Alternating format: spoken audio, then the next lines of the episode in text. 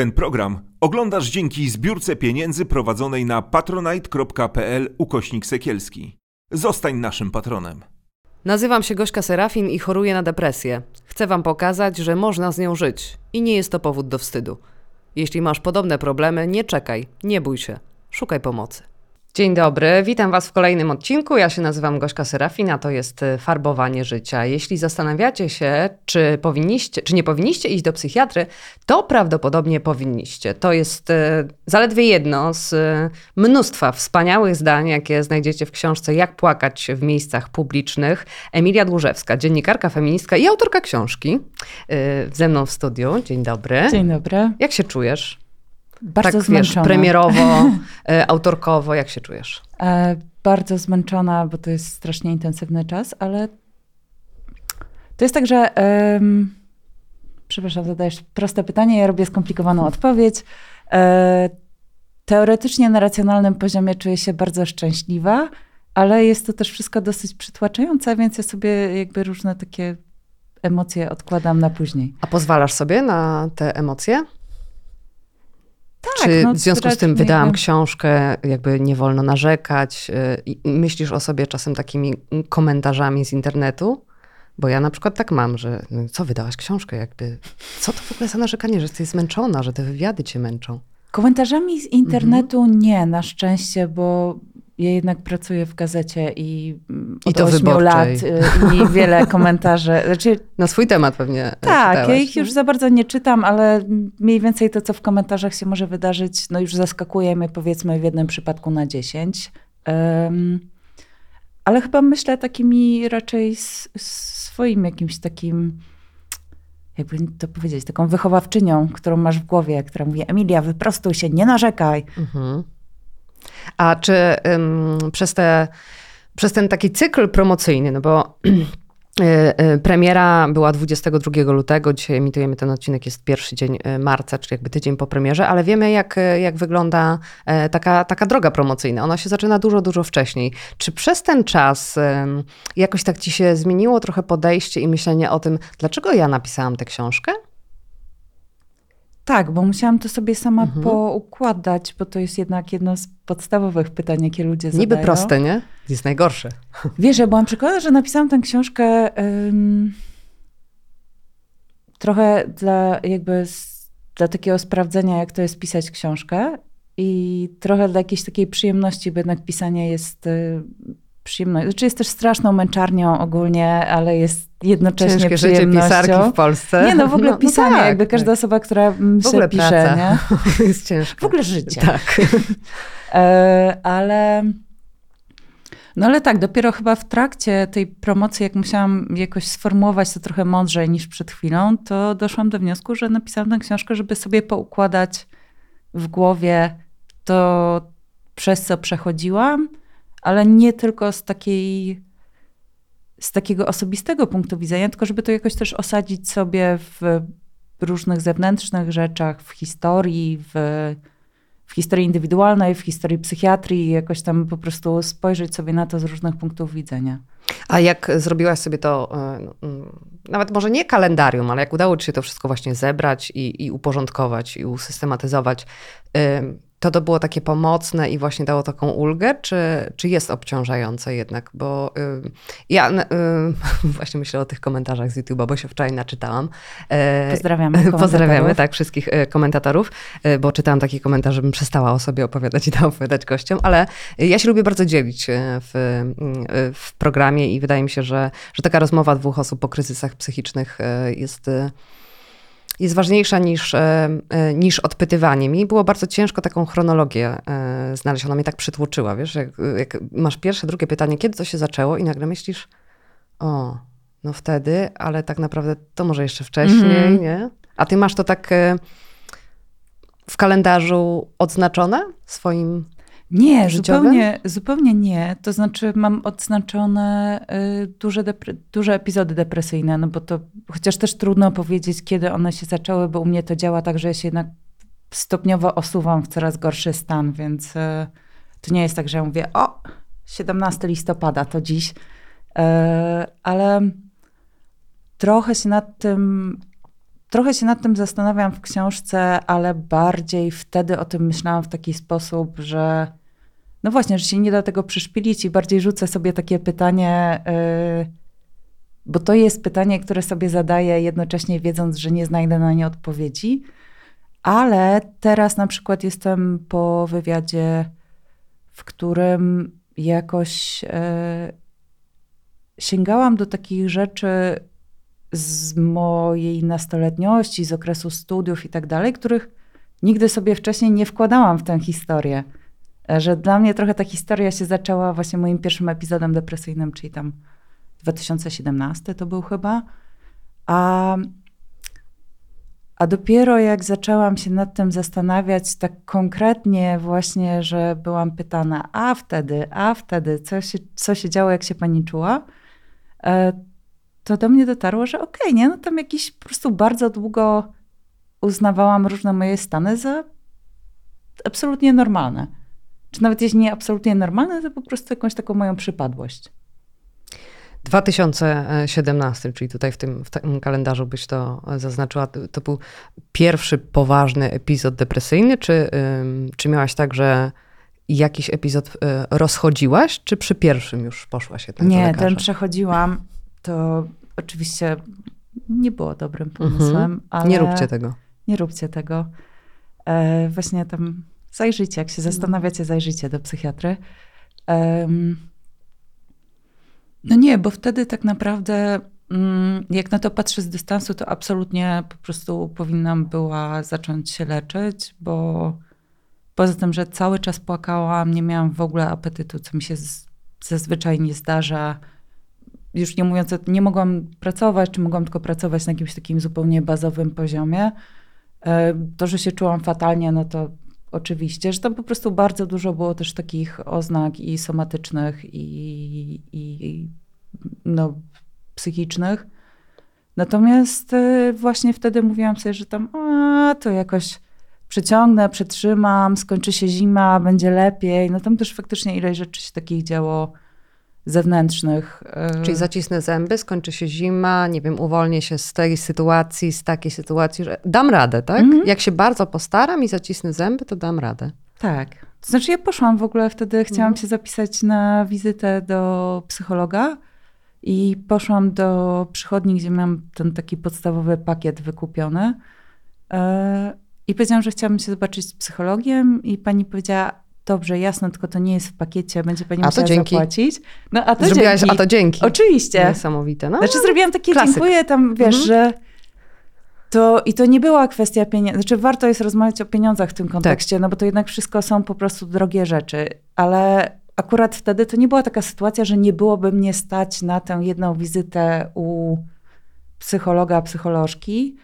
E, natomiast to było też takim, jakby ja mam wrażenie, że całą motywację, którą byłam w stanie z siebie wykrzesać, włożyłam w to, żeby tam pójść i zapytać panią z recepcji, czy mogę się zobaczyć z psychologiem i po prostu jakakolwiek przeszkoda, która się pojawiła, to był koniec, nie? Słuchaj, ja dostałam kiedyś e, voucher, e, uważam, że to jest prezent XXI wieku, voucher na trzy sesje psychoterapii na urodziny od mojej hmm. przyjaciółki voucher. Takie można vouchery teraz zrobić. Ja Ale czy z trzy sesje coś... Nie, no tak? taki wiesz, na, na zachętę, na zachętę w ogóle, bo gadałam e, tak już... Pierwsza od, dawka gratis. No, tak już od roku mniej więcej, że mm, ten, no i dostałam ten voucher i miesiąc wokół niego chodziłam, mm. jak wokół takiego, wiesz, niezapłaconego mandatu na stole, nie? Leżał, więc, więc doskonale wiem, mm, wiem o czym mówisz. A, a dziś masz do siebie o to jakiś, jakiś żal, czy masz taką łagodność, czy, czy biczujesz się, że może bym wcześniej poszła, może tego drugiego epizodu by nie było, może to, może tamto, czy nie?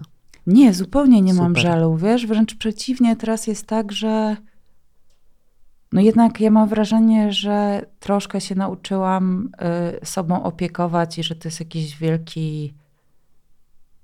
To znaczy, to jest coś, co bardzo, bardzo mi pomaga w życiu. Jest dużą zmianą u mnie w życiu, ale też, no nie wiem, jakaś taka wyrozumiałość dla siebie też się przekłada na to, że nie, nie myślę o tym, że kiedyś, jak byłam w depresji, to coś zrobiłam źle, tylko myślę, ojej, wow, fajnie, że przez to przeszłam, jakby, wiesz, ale nie, nie powinnam od siebie wymagać, y, wiesz, y, wyciągnięcia się samej za włosy.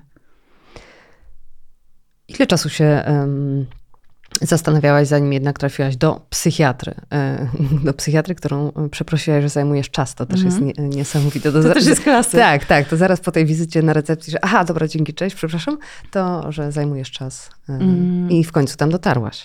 To było za drugim, bo to było za Mhm. drugim razem, czyli e, ten, ten przechodzony epizod to był chyba 2017. e, To się zamazuje, nie? Bo masz wrażenie, że takie, tak się le, lecą te lata. Tak, no to znaczy ja pamiętam, że to był tam, wiesz, jesień, zima, bardzo Mhm. dobrze pamiętam porę roku oczywiście, e, albo 2016, albo 2017, a potem, a potem drugi duży epizod miałam w 2000, zima 2020-2021, na, gdzie też jeszcze był lockdown, więc e, takie znów zewnętrznie bardzo niesprzyjające warunki. No i wtedy to tak chodziłam już, jakby już w grudniu na pewno było kiepsko. Co to znaczy kiepsko? Wiesz co, ja właśnie nie umiem tego, to teraz tak, nie umiem tego ułożyć Mhm. w czasie, nie? Natomiast no kiepsko znaczy to, że już, yy, że mam na przykład pustkę w głowie i nie jestem w stanie wchodzić w jakieś sensowne interakcje z ludźmi, no bo jestem tak wyprana, że nie mam nic do powiedzenia. W którym momencie zaczęłam tak strasznie dużo płakać, na przykład nie pamiętam, nie? Ale on też w którymś momencie po prostu był, był w, Zdarzyło mi się kilka razy dziennie popłakać. E, W grudniu też na pewno już mnie bolały plecy i głowa, co też to już jest kolejny sygnał, naprawdę. Tak, a też jest takim czymś, że jakby bardzo dużo osób, które robią taką pracę biurową, bolą plecy, a mnie akurat nie, jak z tym apetytem, Mhm. nie? że to takie rzeczy, które już e, wiem, że na nie muszę zwracać uwagę. Em, no też zupełnie nie dawała mi satysfakcji praca i była jakimś takim strasznym ciężarem na mnie, co też nie jest typowe dla mnie. Em, no i tak, i to się tak jakoś po prostu pogłębiało w gruncie rzeczy. Potem było już po prostu połowa stycznia, to był na pewno taki bardzo trudny moment, że w ogóle rozmowa z ludźmi jakakolwiek mi sprawiała na przykład straszny problem. Idąc do psychiatry, wiedziałeś, że to jest to? Że to jest depresja? Nie. Chyba się też nad tym nie zastanawiałam, e, ale myślałam, że to. Znaczy, jeśli spojrzymy na depresję jako spektrum, to pewnie tak. Jeśli jakby, wiesz, właśnie jakbym powiedziała, tam trochę przypadkiem nie wchodzę w depresję, jakby to pytanie tak brzmiało, to bym odpowiedziała, że tak, ale, ale żeby tak full on po prostu, dzień dobry, jest pani chora, to nie. A szłaś po, mm, po jakąś taką pomoc magiczną, tabletkę, zastrzyk, po, po poczucie jakiegoś takiego bezpieczeństwa, albo żeby ten lekarz ci powiedział, że, że nie jesteś wariatką, że nie zwariowałaś? Czego, czego właśnie e, potrzebowałaś? Wiesz co, ja chyba po prostu potrzebowałam przestać to czuć się tak Aha. fatalnie i to było jedyne, co ja wtedy jakoś tak w ogóle byłam w stanie sformułować w głowie. I, i to też było tak, że no ja się zapisałam do tej psychiatry tam, nie wiem, chyba z dwutygodniowym albo trzytygodniowym wyprzedzeniem. E, No i potem w ogóle właśnie już miałam takie poczucie, że no już się czuję lepiej, w sumie to może nie powinnam tam pójść, ale już na szczęście byłam na tyle przeczołgana i jednocześnie właśnie udało mi się przejść przez ten etap e, początkowy, czyli faktycznie się zapisać do tej pani na konkretny termin. E, Więc już poszłam, no i to była bardzo dobra decyzja, ale nie, ja zupełnie niczego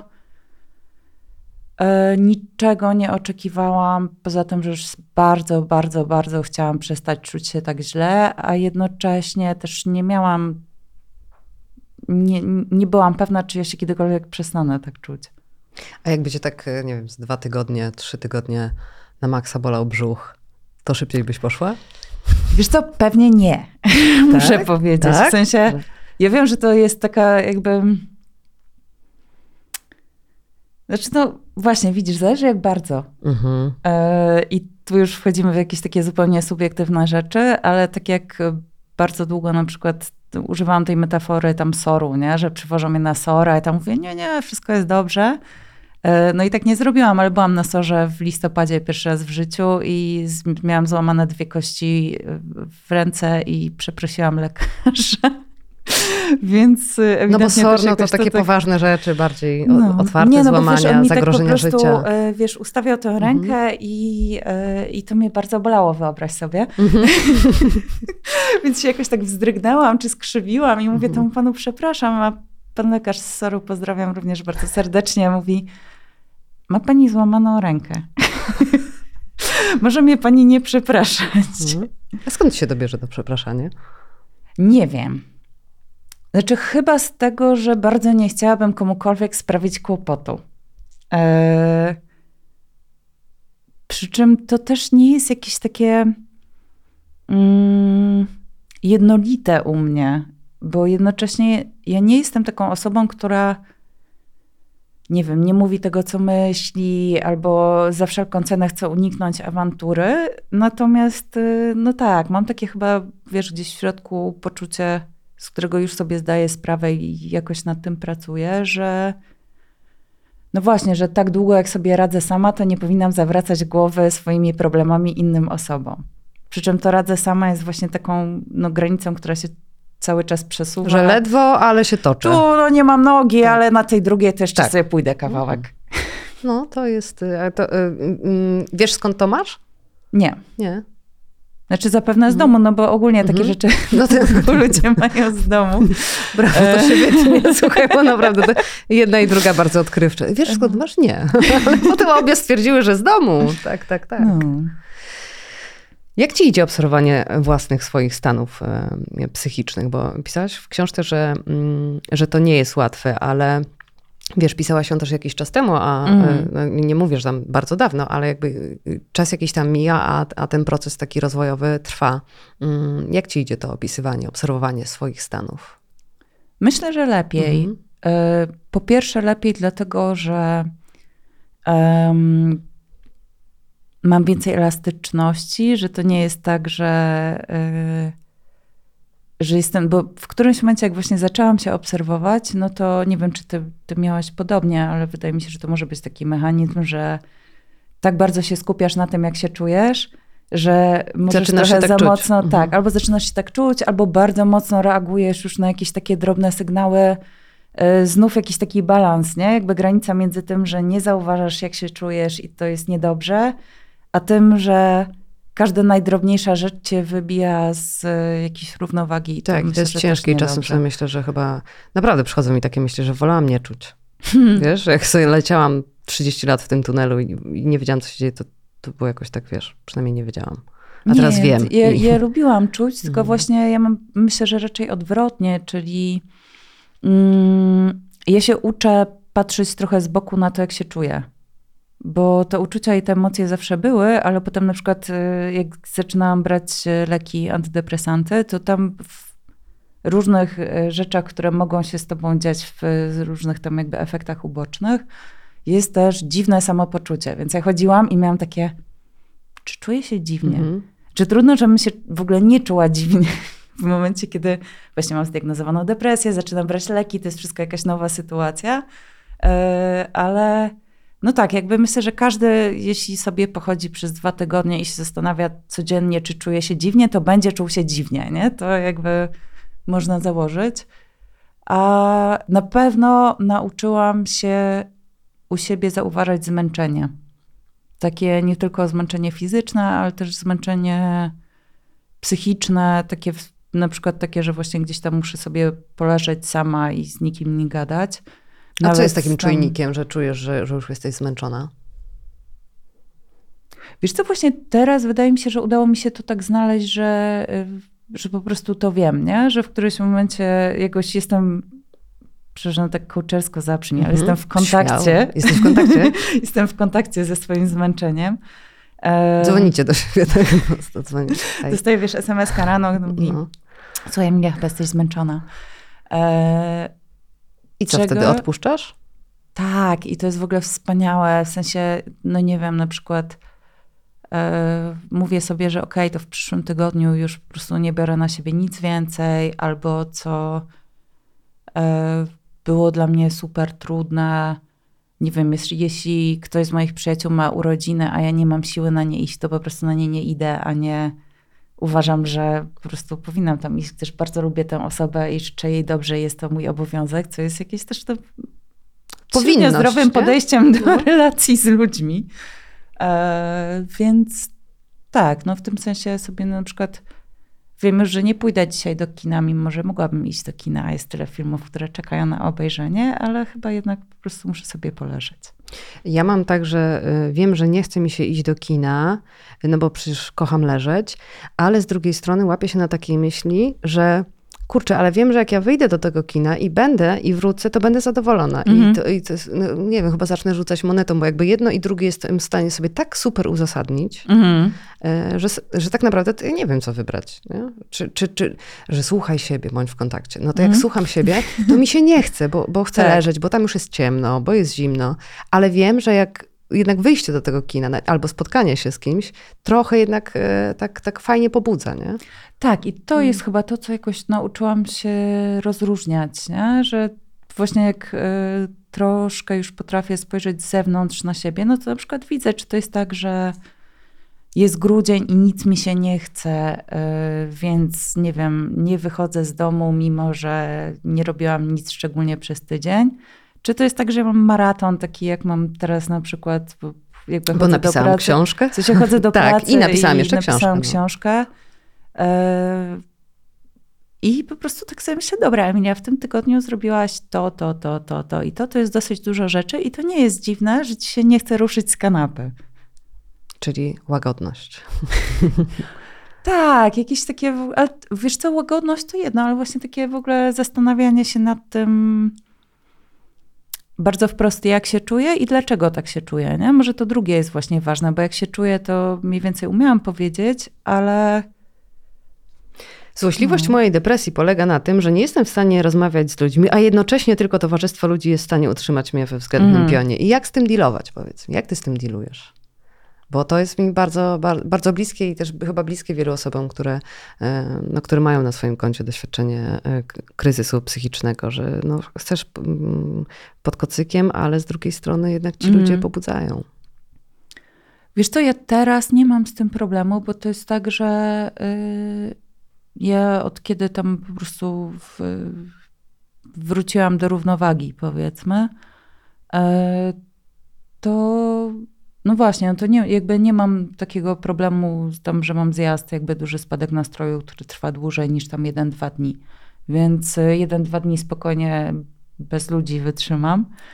E, ale Właściwie nie wiem, jak ja z tym dealuję. Chyba nie mam na to jakiegoś takiego super sposobu wymyślonego, poza tym, że no właśnie, że robię sobie przerwy, że daję sobie taki dzień na właśnie maksymalne odcięcie się od wszystkiego i potem już na ogół mam wtedy siłę, żeby sobie poprzebywać z ludźmi, no bo bo tak, bo to jest straszne, nie? że jakby strasznie musisz do ludzi, a na przykład strasznie nie masz im niczego do, do powiedzenia. Nie? Już nie chodzi o do zaoferowania, bo nie uważam, że jakby kontakty towarzyskie są transakcjami, gdzie tam trzeba na giełdzie, wiesz, wnieść po prostu super żarty i super historie. Um, No, ale czasem można założyć machę, bo ja na przykład umiem, mam różne co maseczki. to jest macha? A maseczka? Ma, taką, wiesz, taka, taka już bardziej jakiś- zaawansowana macha, czyli taka, taka gruba, wiesz, że, że można założyć maskę i Okej. lecieć. Myślałam, że jakiś cios to jest taki, wiesz, jak założyć machę? Nelsona. nie, nie, nie, to nie. No, ale machę można założyć i iść do tych ludzi. Tylko Można, to potem tylko cholernie po dużo co, nie? kosztuje. Że to no, jeszcze jest tak, energii. że wiesz, no czasami trzeba, no bo masz jakiś po prostu umówiony termin, no nie wiem, no nie wiem, moja hipotetyczna siostra, której nie mam, nie Mhm. przełoży sobie wesela, dlatego że ja akurat teraz bym nie chciała, tylko trzy dni później. Ale takich sytuacji jest w gruncie rzeczy mało i to jest coś, czego się staram nie robić, bo to mnie strasznie wykańcza. Y, Mówisz, że, że był taki moment, w którym już tak y, dużo płakałaś, dużo ym, po prostu fatalnie się ym, czułaś i czasem tak sobie myślę o, o tym, że opowiada się takie rzeczy. Dużo płakałam, y, źle się czułam, nie wiem, było mi tak, a nie inaczej, ale z drugiej strony cały czas funkcjonujesz. W sensie Mhm. jakby y, chodzisz do tej roboty, robisz swoją robotę. Y, to nie jest tak, że jakby się wyłączasz z tego świata, hej, idę do kapsuły i tam Mhm. sobie płaczę i źle się czuję. Tylko ty funkcjonowałaś i, i, e, i żyłaś. I, y, I pisałaś o tym, że, że ten moment y, pobudki jest ciężki, bo jeszcze przed tobą cały, cały długi dzień. On Mhm. się strasznie, e, te dni się strasznie ciągną. Że wieczorem jest lepiej, bo rzeczywiście można w wannie obejrzeć e, seriale. Mhm. Jak, to, jak, jak jest właśnie w takim, w takim uczuciu porannej e, pobudki? Mm, Jak się podnieść? Może nawet nie w dziesięciu krokach, bo o tym piszesz. e, ba- Bardzo fajnie zresztą, ale, e, ale jak się tak e, funkcjonuje, że, że idziesz do tej roboty? Ona cię mobilizowała do wstania z łóżka? Ona mi na pewno za pierwszym razem mobilizowała do No skoro rozchodziłaś, to tam pewnie było pracowane E, dużo. Za drugim razem, ponieważ był lockdown, to pracowałam z domu i Mhm. myślę, że byłoby dużo lepiej, gdybym musiała jakby wstać i tam po prostu pojechać do pracy. Czy nie wiem, no tak mi się wydaje, że byłoby lepiej, bo jednak właśnie, wiesz, no jesteś w jakimś jeszcze innym rytmie niż to, że tylko musisz się podnieść, ubrać, I zalogować. e, i zalogować. E, I tak, i to taka jakby poranna, to w ogóle takie poranne zmęczenie i poranna rozpacz, to potem, jak sobie o tym czytałam, jest e, podobno takim dość typowym objawem właśnie depresyjnym, że jak ludzie mają tylko zły nastrój albo są bardzo zmęczeni, to on jest e, bardziej równo, równo się rozkłada w czasie dnia. Albo właśnie jest się zmęczonym wieczorem, a jak człowiek się po prostu regularnie zmęczony rano i to tak i fizycznie i jednak psychicznie, no bo to jest to o Jezus Maria, nie? Tyle godzin dnia. No. E, to jest taki dosyć mocny sygnał, że warto się tam pokazać jakiejś pani albo panu, e, albo osobie. Mm. Jak z, tym, jak z tym było, czy co z tym robić? Nie pamiętam przecież tego pytania, które zadałam przed, przed chwilą. Jak, jak wstawać? Jak ty wstawałaś z łóżka? Jak sobie z tym, wiesz, e, no co, zaciskam zęby, e, wstaję?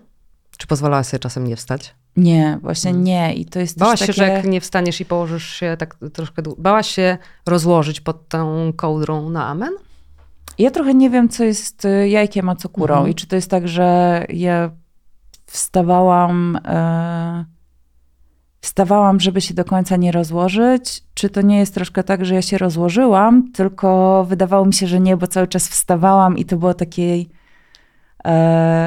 no właśnie taka maska, nie? Takie jakby Tak, coś, że no przecież się nie leżę. trzymasz się pazurkiem jeszcze, nie, bo przecież wstaje. Tak, przecież nie jestem jak na tych zdjęciach w internecie, tak z góry, Tak. takie, no, taka fota z góry, nie? Że ktoś leży, No, ta taka- pościel taka- taka zmielona, Pani no i taka, pod, ty- pod tym e, kocem, czyli wstawałaś. Nie, to, co- to No za tak, no depresja, i jak ty to- z łóżka wstajesz, no. Też sobie zdałam sprawę z tego, że przy tym pierwszym moim epizo- e, epizodzie depresyjnym ja miałam dokładnie taki lęk, w którymś momencie zdałam sobie sprawę, bo ja też wtedy mieszkałam sama, e, że zdałam sobie sprawę z tego, że ja mogę w którymś momencie przestać wstawać z łóżka i zamiast e, pójść do psychiatry, to ustawiłam to sobie w głowie jako taki właśnie miernik tego, jak bardzo jest źle.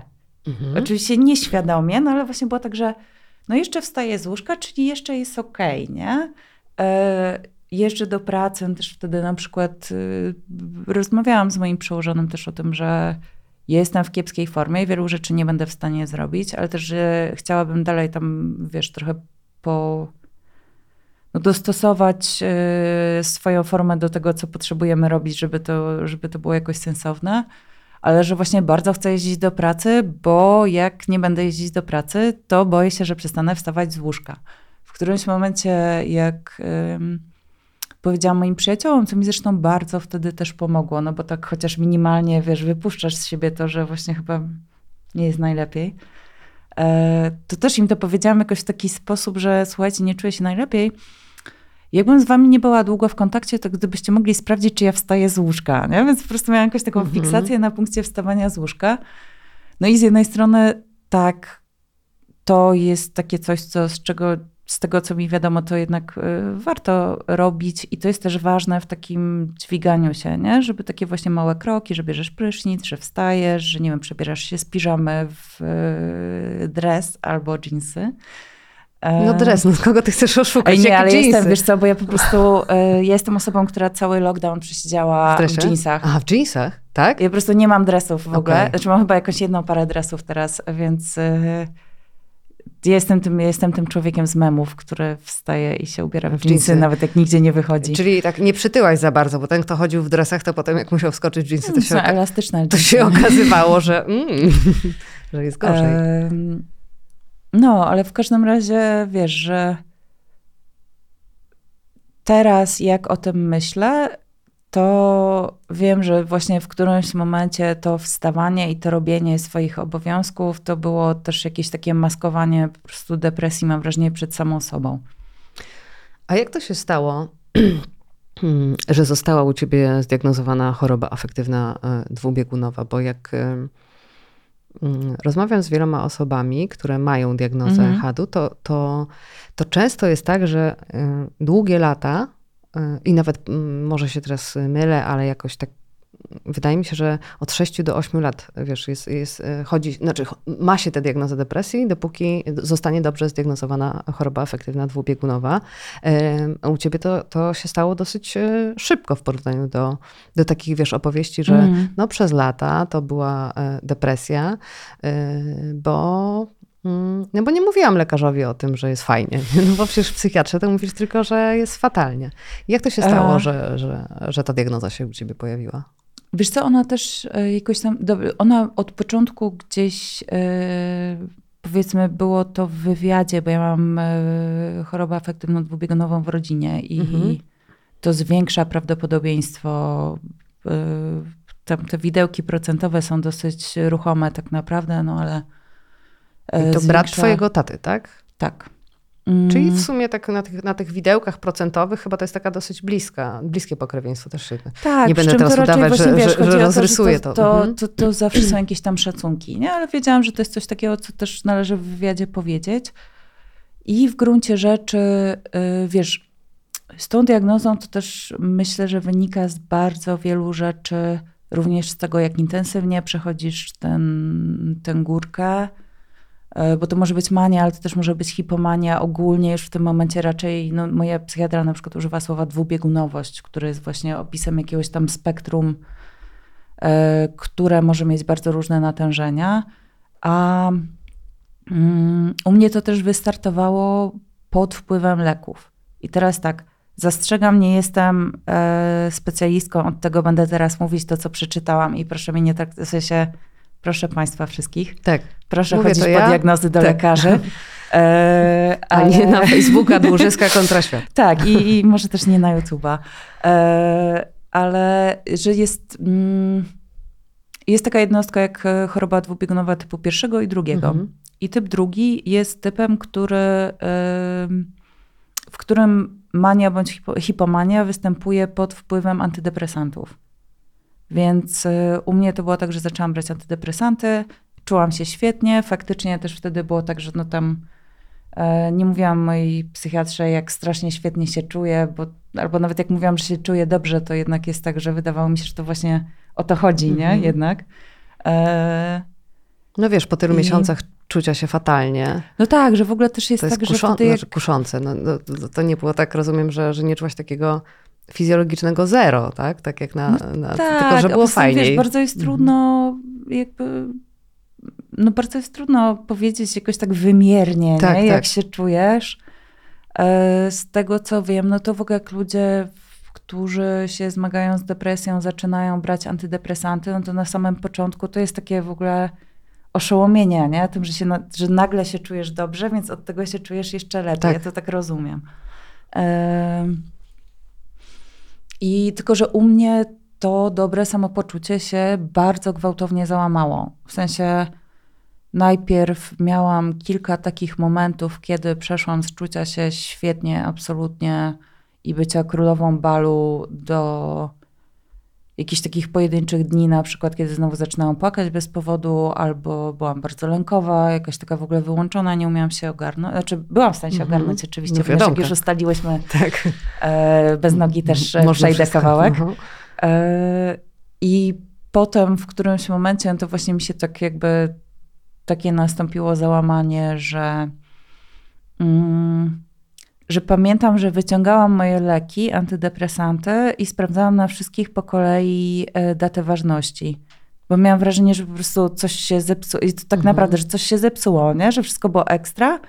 I nagle się czuję tak fatalnie, że, e, że naprawdę miałam coś takiego, że może ja biorę jakieś leki, które nie działają. Mhm. Nie?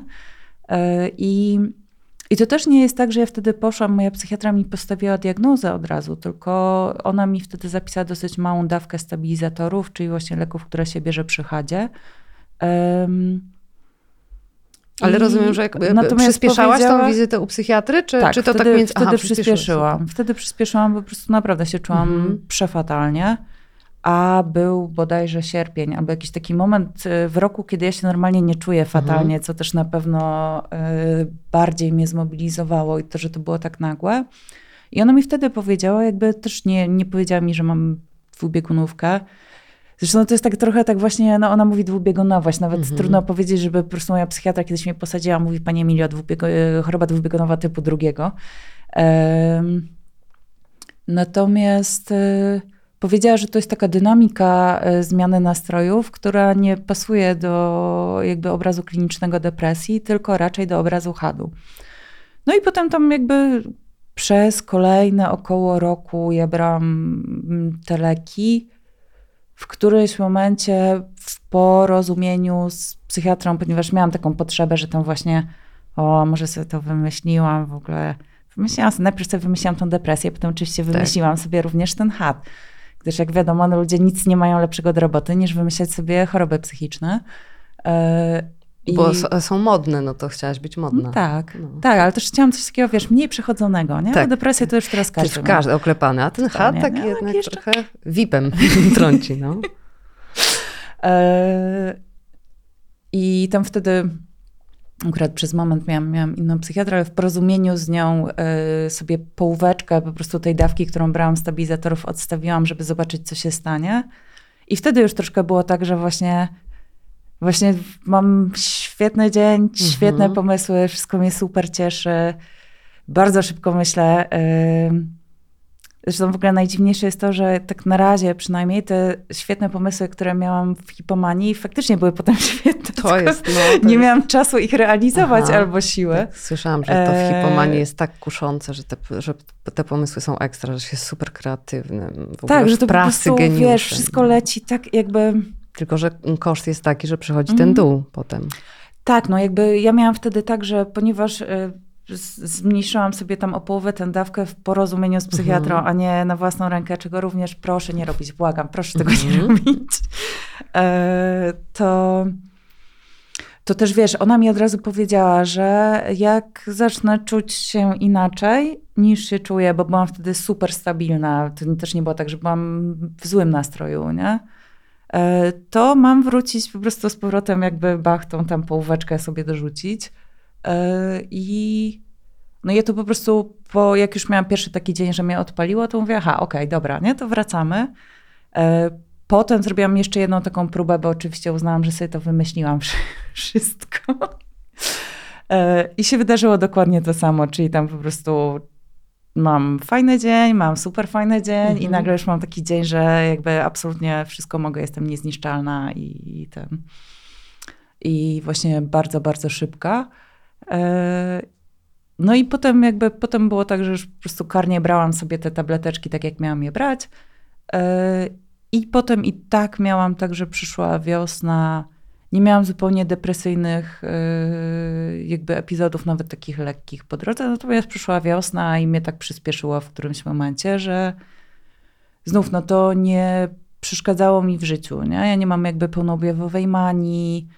Mam, to jest bardzo duże szczęście, bo to jest naprawdę jakby jakoś to zaznaczam, no bo wiesz, właśnie jest tak, że ja teraz opowiadam, jak się super czułam, jaka Aha, byłam mądra, tak, bystra tak. i tak dalej, ale naprawdę to za to jakby to jest coś, za co można zapłacić po prostu zjazdem, natomiast mania, jakby dwubiegunówka z manią jest y, bardzo poważną i Tam kompletnie nieprzyjemną możesz zapłacić majątkiem poziomie, tak. życia, jeśli go Tak, wydasz albo albo życiem, zainwestujesz w ogóle, dokładnie. wiesz, całą masą Mhm. rzeczy, nie? Więc też chyba fajnie, żeby to jakoś zaznaczyć.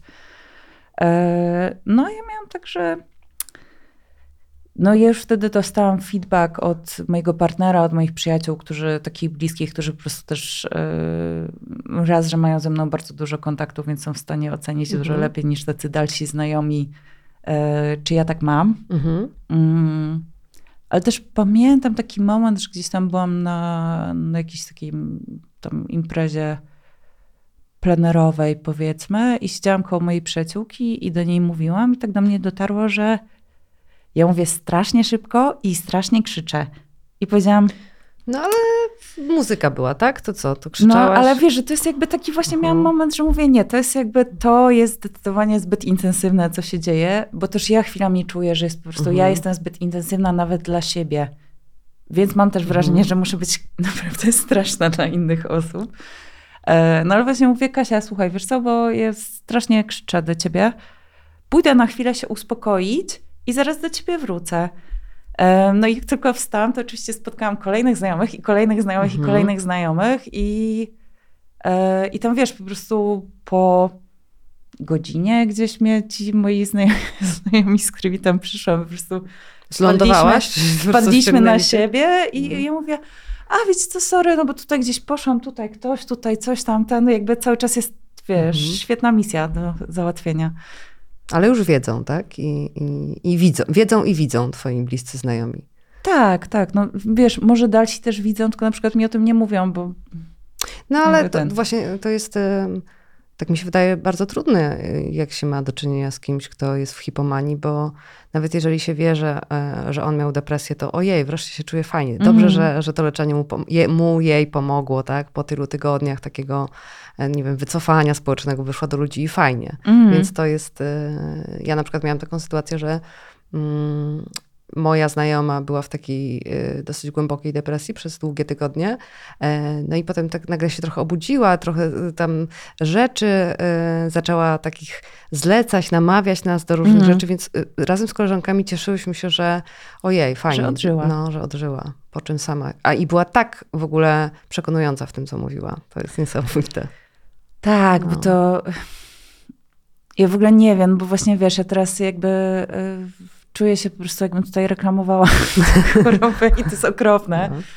E, Natomiast po prostu no, ten stan bycia w hipomanii jest dla mnie super przyjemny, z tego co wiem, też super przyjemny dla innych osób.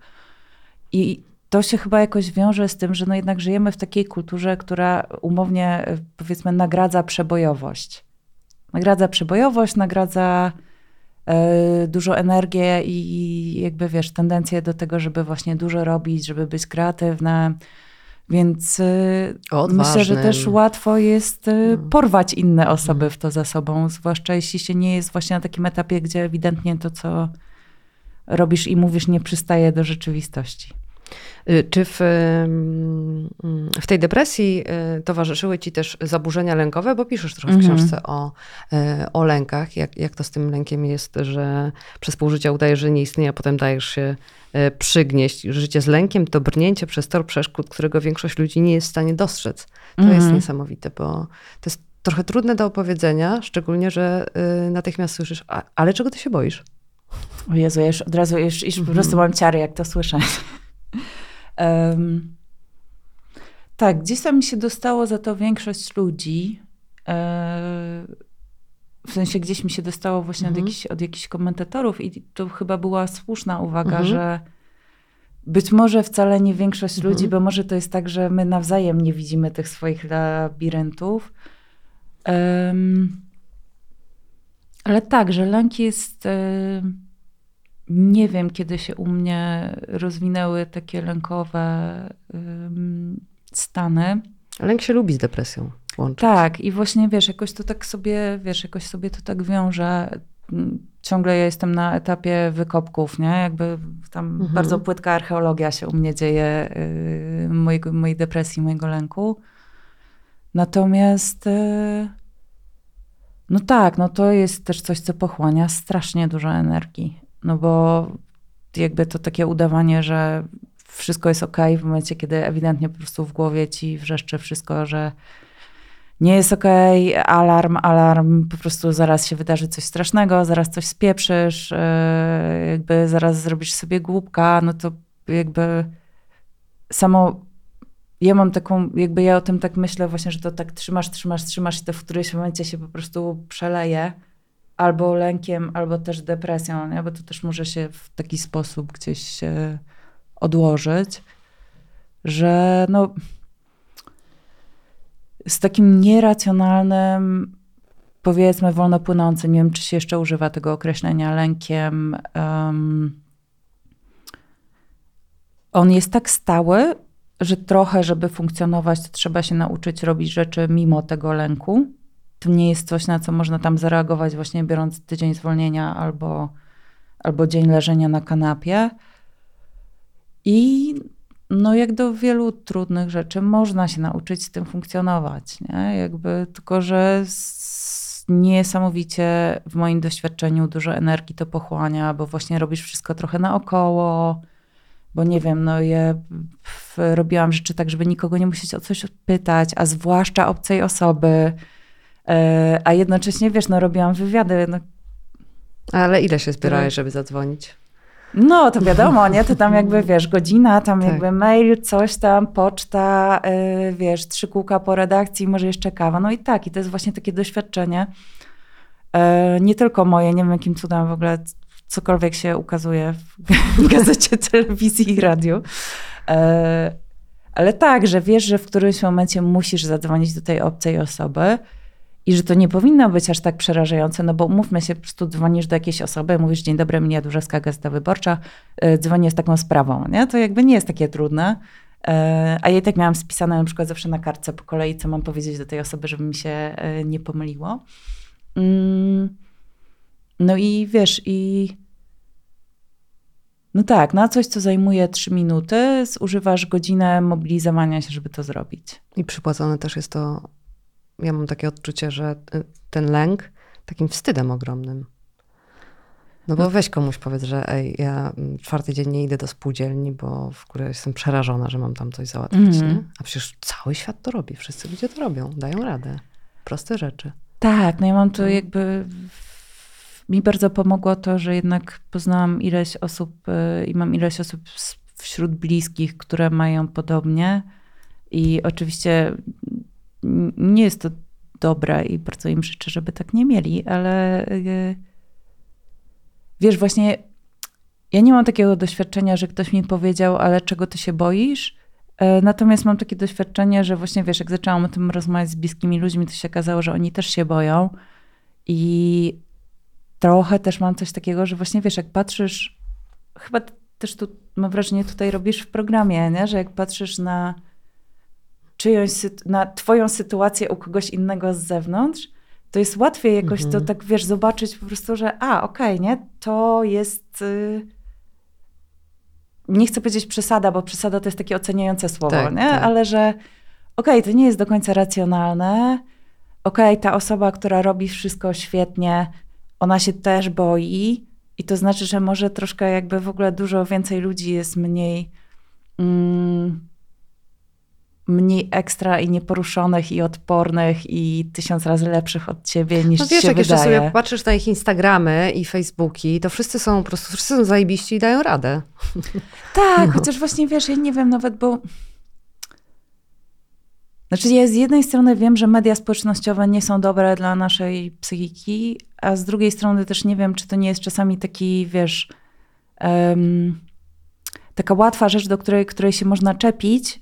W sensie one na pewno nie są dobre, nie? I tam mhm. jakby na różnym poziomie od takiego merytorycznego do tych strzałów dopaminowych yy, na różne sposoby nam to głowy rozwala, ale no ale wiesz, czy głowy rozwala nam to bardziej, że oglądamy inne dziennikarki na Instagramie, które są wspaniałe i wyglądają pięknie i mają najlepszych gości i najmądrzejsze pytania, czy głowy nam jednak rozwala kultura zapierdolu, która nas uczy, że my też musimy mieć tych gości i te pytania i robić 16 godzin i wiesz i że y, skoro te dziennikarki robią coś super, a my tego nie zrobimy, to po prostu za moment, wiesz, wypadniemy z tego kołowrotka, nie?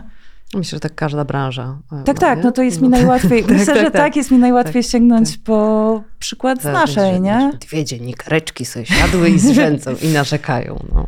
no. E, już tak e, trochę podsumowując, ale nie, nie będę podsumować, bo tutaj ja nie jestem dobra w puenty, ale już tak zmierzamy mm, do końca, więc czas porozmawiać o książce. Słuchaj, zmierzamy do końca. Y, Ona jest bardzo mm, zabawna, w sensie ma, miałam takie, Jezu, ale zazdro, wiesz, że, że, że super piszesz, nie? Że super piszesz. E, To jest takie w punkt, e, takie ironiczne i to, e, a, i to nie jest poradnik, tylko tam, tam, jest, tam są takie ostre heheszki, taki, taki mocny, mocny dowcip czasem. I mm, to jest twój mechanizm obronny trochę, żeby trochę się pośmiać, czy także, dobra, y, ja umiem pisać i trochę się z tego pośmieję, to trochę przejmę kontrolę nad tą chorobą. Znaczy to chyba się wiąże, że mechanizm e, obronny i kontrola to, to akurat tutaj w moim wypadku myślę, że i jedno i drugie. Ja się w sumie jakby... Znaczy okej, może czasem tam jakby tam, może czasem ta książka jest ironiczna, ale to nie do końca jest coś, co jakby nie, nie tyle chciałam iść w, ironię. Dobra, jest czasami ironiczna, okej, ale... Yy...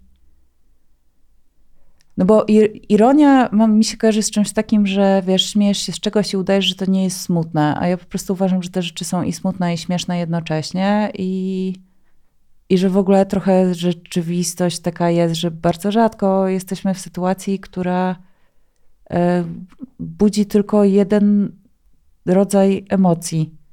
I że wydarzają się rzeczy absolutnie, absurd, absolutnie absurdalnie śmieszne i wiesz, i to po prostu, że e, nie wiem, idziesz w kondukcie żałobnym, to nie znaczy, że się nie potkniesz o wystającą kostkę brukową. Mhm. I, I wiesz, no na pewno na pewno tak, mi pomagało to się zdystansować, ale bardzo się starałam, nie wiem na ile mi to wyszło, nie zasłaniać się tym humorem. I jednak też wrzucać tam rzeczy, które nie są tylko Tam śmieszne. są ostre rzeczy, tam są takie, że ała, że mocno, mm, no mocno pokazujesz tą i rzeczywistość, y, w jakiej funkcjonujemy i rzeczywistość tego, ile trzeba mieć kasy, e, żeby się leczyć e, i, i tą kulturę, w której się e, pracuje i to, mm, co wynieśliśmy ze swoich domów, jak bardzo siebie na przykład, wiesz, e, Mm. biczujemy, więc e, jesteś tam mm, ostra dla świata, no ale jak się prowadzi dłużeska kontra świat, no to trzeba być konsekwentnym, no. O Jezu, no. Ja w ogóle nie wiem, bo jestem absolutnie po prostu... Jeszcze nie czytałaś tej książki? No, no, ja nie, nie wiem, co tam jest, nie? O Jezu, ktoś mi napisał, że y, strasznie, strasznie fajnie napisałam, albo mam fajnego ghostwritera i ja sobie myślę, że Boże, może kiedyś odniosę taki sukces, że zamiast ja, że mogłabym komuś napisać książkę, to ktoś będzie mógł napisać mi. no. Em, tak, nie, chciałam powiedzieć, że Dłużeska kontra świat i jak płakać w miejscach publicznych to są absolutnie wyjątki, ponieważ ja totalnie nie umiem w tytuły i A dlaczego e, jest już nigdy tytuł? nie... Dlaczego Wiesz- ten płacz, a nie na przykład właśnie jak wstać z łóżka w 10 krokach albo trzy zasady opowiadania Mhm. o depresji, czyli takie y, mm, dow, dowcipne opowiedzenie o strasznej, trudnej sytuacji. I to by się to Mhm. udało w tych, w tych takich y, 10 kroków i trzy. Mhm. Dlaczego jest ten płacz w miejscach publicznych na okładce? Em, to nie była świadoma decyzja. Mhm. To znaczy, to nie było tak przemyślane. To było tak, że ja pisałam tę książkę i kompletnie nie, nawet się nie zastanawiałam nad tytułem. A potem doszłam właśnie do tej takiej e, pseudoporadnikowej części, tam chyba drugą taką wrzutę, którą robiłam. I tam było, jakby piszę o tym, że płaczę w miejscach publicznych, bo faktycznie wiele razy to robiłam. I ogólnie bardzo polecam. Przynajmniej jak ktoś ma tak jak ja, że nie potrafi sobie Mhm. odpuszczać, to właśnie to jest super, nie? bo sobie odpuszczasz i widzisz, że nic strasznego się nie dzieje. E, więc po prostu jak to napisałam, to stwierdziłam, Jezus Maria, nic lepszego nie wymyślę. Nie ma opcji, że wymyślę lepszy tytuł. W ogóle bach, daję to, dajemy to na okładkę. Em, ale teraz jak o tym myślę... To już jest wy- wydrukowane, to tak, już tak, teraz tak. wiesz, nie ma Ale wiesz, wycofki. Nie, że no. chodzi o to, że chyba gdzieś tam po prostu byłam Aha. trochę mądrzejsza niż byłam, nie? Gdzieś Mhm. pod spodem, że no, że jednak to jest też troszkę ja myślę o tej Troszkę o książce świecie, jako nie? takim sygnale, że właśnie słuchajcie, troszkę tutaj wszyscy jakby trochę tutaj wszyscy zakładamy za duże buty mamy i po prostu się prostujemy i udajemy, że wszystko super ogarniamy. Że jest okej. E, I czasami się po prostu człowiek posypie, nie? I to też jest okej. Tak. I to płakanie w miejscu publicznym jest jednak takim, no myślę, że jak, jak taki wyrazisty symbol posypania się chciałabym wyciągnąć, no to właśnie to, nie? że idziesz ulicą, jest środek dnia i po prostu płaczesz.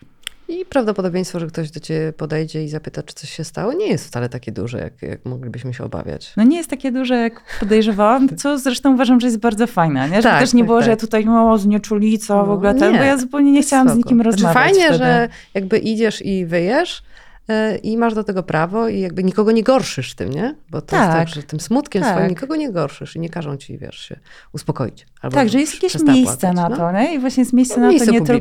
tylko, tak, właśnie, nie tylko po prostu u ciebie w wannie, ale również na ulicy. Dzięki ci wielkie za rozmowę. Mam nadzieję, że cię nie, nie wymęczyłam za bardzo i będziesz jeszcze miała siłę na, e, na resztę pielgrzymek i Na turnę. leżenie. Na leżenie. No, Przyjadę sobie Tak. poleżeć, oczywiście, no, że tak. Wspaniale. Dzięki wielkie. Dzięki.